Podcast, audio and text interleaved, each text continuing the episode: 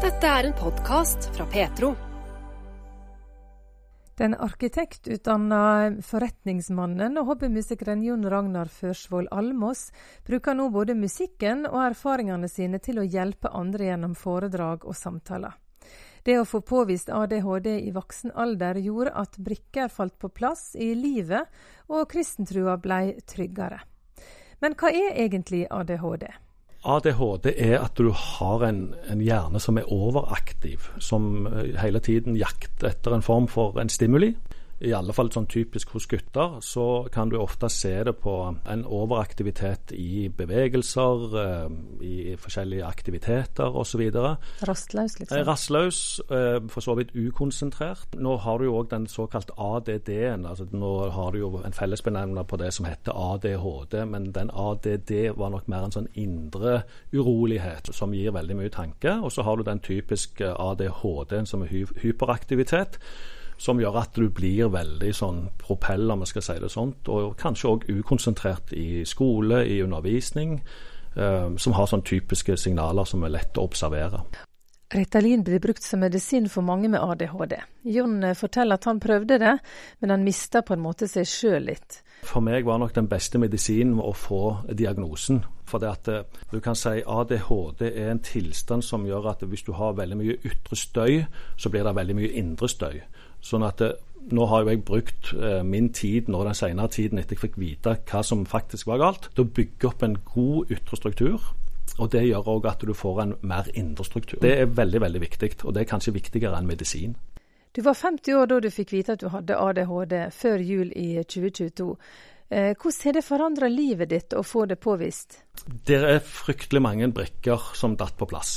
For at Folk har jo kommentert det til meg i hvert fall de siste 20 årene med den veldig aktiviteten og engasjementet jeg har hatt i forskjellige ting, som har nok vært langt over det som er normalt. Veldig lange arbeidsdager, aktiviteter på fritida, konserter og engasjementer som er langt utover det som er normalt. Så ordet ADHD har nok blitt nevnt til meg fra andre, sånn liksom ADHD-kanin og sånn, og jeg bare nei, nei, nei, det er bare energi og Det er bare sånn jeg er? Ja, sånn er jeg. sant? Energisk type og alt dette her. Men så er det jo òg en del sånn negative sider. For du, du, du, tar av og til eh, litt spontane avgjørelser. De er ikke gjennomtenkt. Du sier ja til veldig mye. Mm. Og så kan du si ja til alt på en mandag, og så våkner du på onsdagen, og så er du Du klarer faktisk ikke å gjennomføre det, for du, du, du ser at det jeg har sagt ja til, det går jo ikke. Sant? Det er en sånn typisk negativ side med dette, og det fører jo til utbrenthet. Så du opplever jo en utbrent situasjon kanskje fem til ti ganger i året helt uten å være klar over hva det er for noe. Og det er en sånn merkelig situasjon. Du, du vil, altså, men du har ikke energi til å gjøre det. Det er fordi at uh, hjernen har uh, sagt ja til mer enn kroppen kan håndtere. Mm. Enkelt og greit. Det går ikke hånd i hånd. Jon Almås vokste opp i en god kristen heim med mye sang og musikk, forteller han, og har vært kristen hele livet. Det å få påvist ADHD gjorde også noe med truslivet, sier han. Ja, for, for, min del så har det nok vært Jeg har jo hatt en sånn kreativ tanke på at uh, du, du, spinner nok litt ut i det vi kaller det litt usikkerhet, tror jeg, når du er ikke helt uh, ja, er strukturert nok. Men når du får en diagnose, så blir du jo veldig klar over at uh, OK, jeg har en hjerne som tenker litt annerledes, som er litt annerledes og mer aktivitet enn det som er normalt. Så du lander veldig. sånn at du føler nå, når jeg fikk vite hva som var galt, så føler jeg mer kristentroen min den står veldig på et solid fundament nå.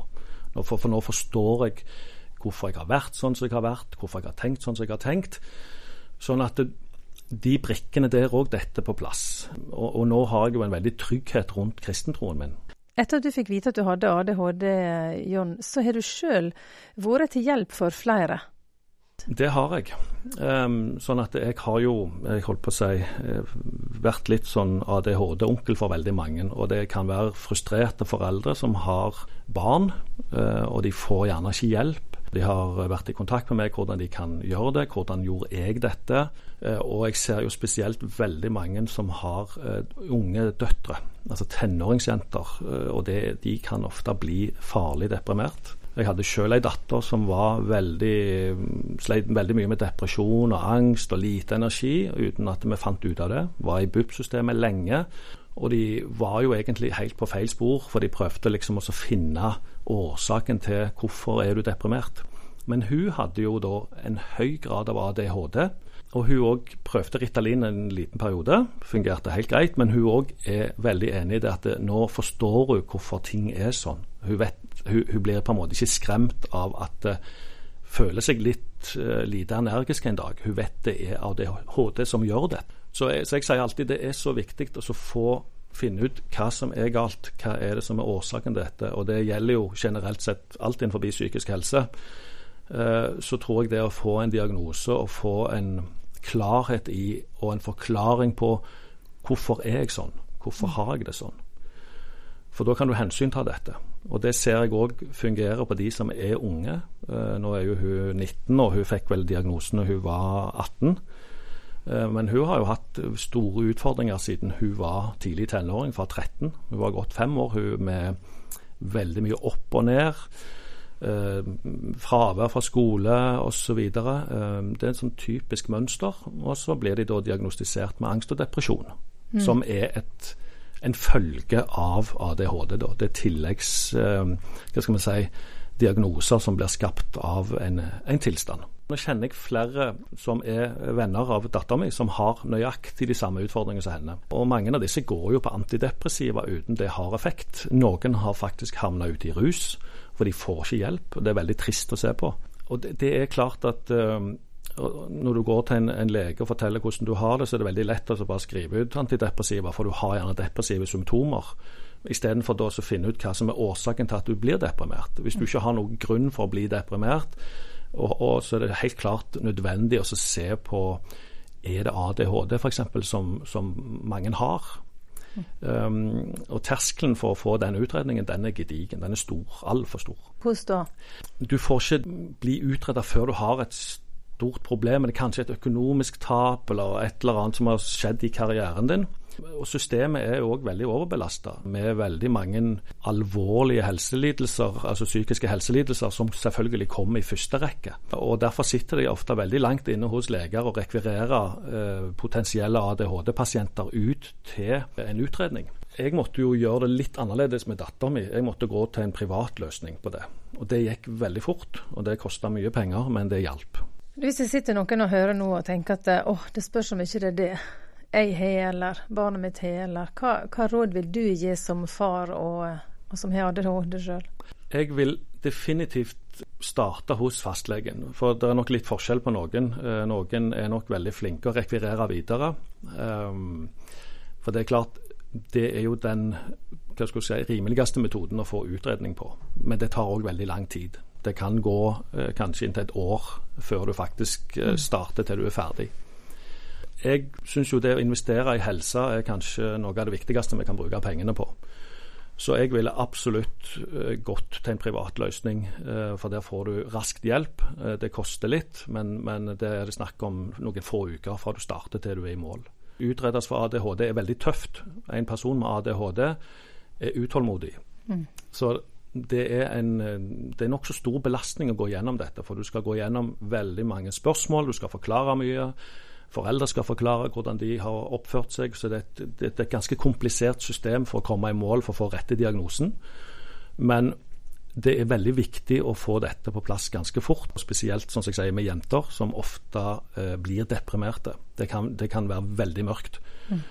Nå har jo jeg som sagt blitt kontakta veldig mange og sett hva ja, hva døtre gjerne skriver til møter på tekstmeldinger. De er, det er mørkt, og de vil dø osv. Det er faktisk eh, veldig alvorlig resultat av en, en tilstand. da.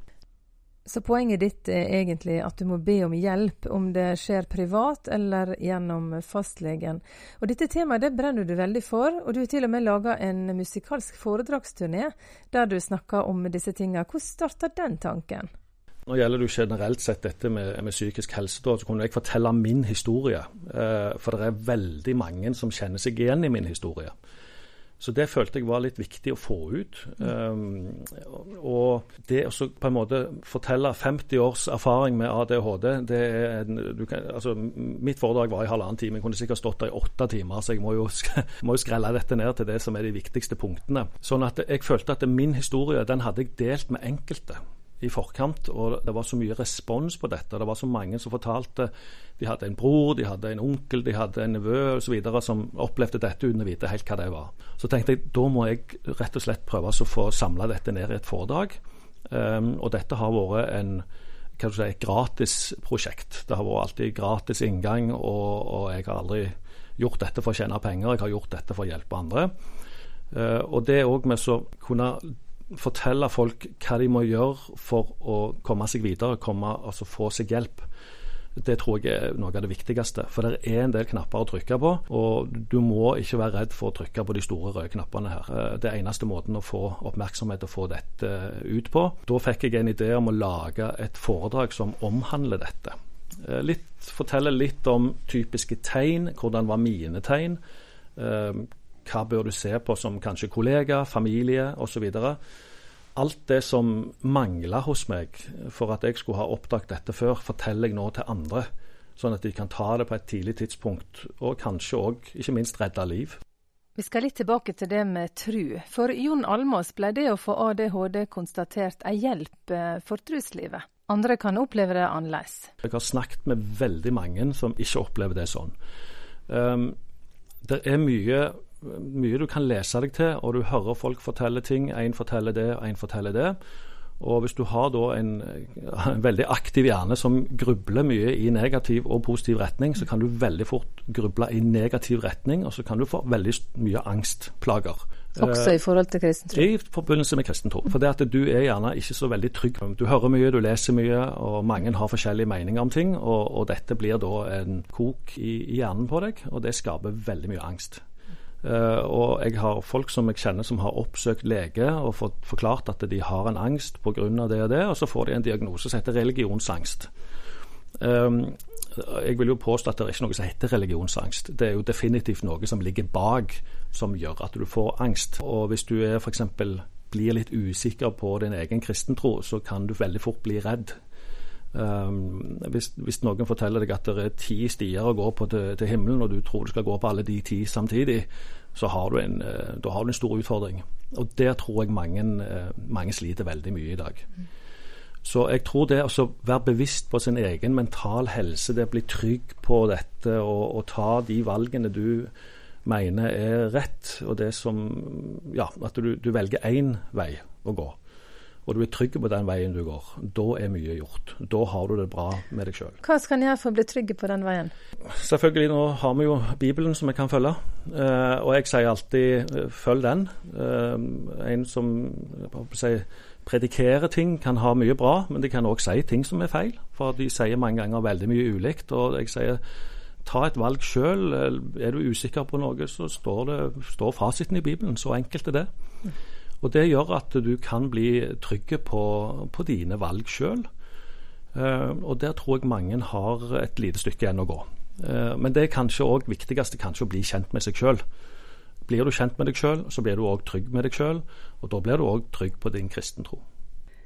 Jon Almås, du brenner veldig for å styrke tilbudet til psykisk helse. Hvorfor det? Vi ser jo det at det er enormt mange som har eh, behov for å få eh, hjelp. Eh, vi ser mange de får en begrensa hjelp, og, og, vi ser at de tar livet sitt i, i ventetiden. Jeg har fått så mange henvendelser den siste tiden med konkrete saker om akkurat dette. Og, og, det er jo tragisk. fordi at Hvis jeg går på legevakten og har brystsmerter der, så slipper ikke de meg ut, for de vet at jeg er frisk. Men hvis du oppsøker hjelp pga. psykisk helse, så sier de kom tilbake om tre dager, for det er ganske alvorlig med deg. Og Nå har jeg den siste måneden, halvannen, hørt om to eh, tilfeller hvor dette skjedde. Ble bedt om å komme tilbake, så i mellomtida så tok de sitt eget liv. Så vi ser jo det at det, det, er jo en stort behov for å øke eh, midlene til akkurat psykisk helse. Eh, og jeg tenker også, Vi ser både på kriminelle handlinger og sånt. Det begås jo veldig mye av folk som har en mørk periode i livet sitt. Eh, og det er nokså frustrerende å høre at de snakker om å øke budsjetter til eh, politi, f.eks. Jeg tenker det er bra, det, men du må heller legge det i forebygging. Og forebygging, da må du styrke psykisk helse. Så vil selvfølgelig politiet òg ha mye mindre å gjøre. Fengsler i dag er jo fulgt opp 90% av folk med psykiske lidelser, og det blir jo helt feil. Og det er det òg veldig mange gode eksempler på rundt i hele landet. Så jeg tenker det at når folk ber om hjelp eh, når det gjelder psykisk helse, så må det tas veldig seriøst. For følgene av dette kan være så store at um, det er en lang vei å gå der. Absolutt. Er det fortsatt litt tabu det med psykisk helse, tror du? Det er nok det for mange. Det er nok en jeg holdt på å si, Det er nok bedre nå enn det var før. Men det er nok mange som har en stolthet, og, og, og veldig mange vil jo ikke innrømme at de har en utfordring psykisk. For det er nok eh, litt tabu, og det går nok litt på stoltheten din. Og, og klart det er jo å erkjenne noe som kan for mange være veldig eh, nedverdigende for mm. seg sjøl og for andre. Men igjen så må jo folk tenke hva kan konsekvensene bli hvis du ikke gjør noe med det. Det kan bli ganske fatalt, både for deg sjøl og kanskje folk rundt deg òg. Så jeg tenker det at når en, en, i familien gir deg et tips om at du bør uh, kanskje se på deg sjøl om du har noe som du trenger hjelp for, så bør de ta det alvorlig. Og det er veldig ofte den som har en, en psykisk lidelse, som er den siste som ser det. Og det er, det er ingen lett vei å gå. Absolutt. Og du gjennom den foredragsturneen din, så er du med og så får terskelen litt lavere kanskje, og brenner veldig for det? Ja, altså nå har jo jeg hatt et ganske underholdende liv, og, og har vært veldig ydmyk og ærlig om min situasjon, som veldig mange kjenner seg igjen i. Og jeg prøver å få fram det at det er ikke noe tabu å gå og få hjelp. Det er ikke noe negativ ting å innrømme at det er noe som ikke er helt bra. Det bør bli enklere for mennesker å erkjenne det, eh, og gjerne se seg sjøl litt i speilet. Du får gjerne mange ganger tips om at eh, det er noe der.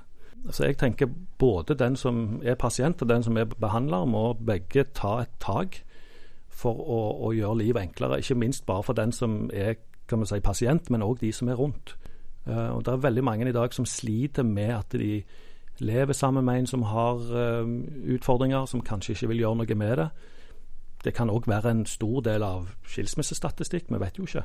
Så, så masse sånne ting som det. Og, og, da går det gjerne utover de som det ikke skal gå utover. Det går gjerne utover barn, og det går gjerne utover resten av familien.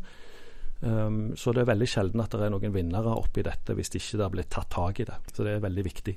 Det sa Jon Almås, som har laga et musikalsk foredrag der han deler veldig åpent om sin egen reise til å få hjelp for sine utfordringer. Intervjuet her var Anne Birgitte Lillebø Bø. En podkast fra Petro.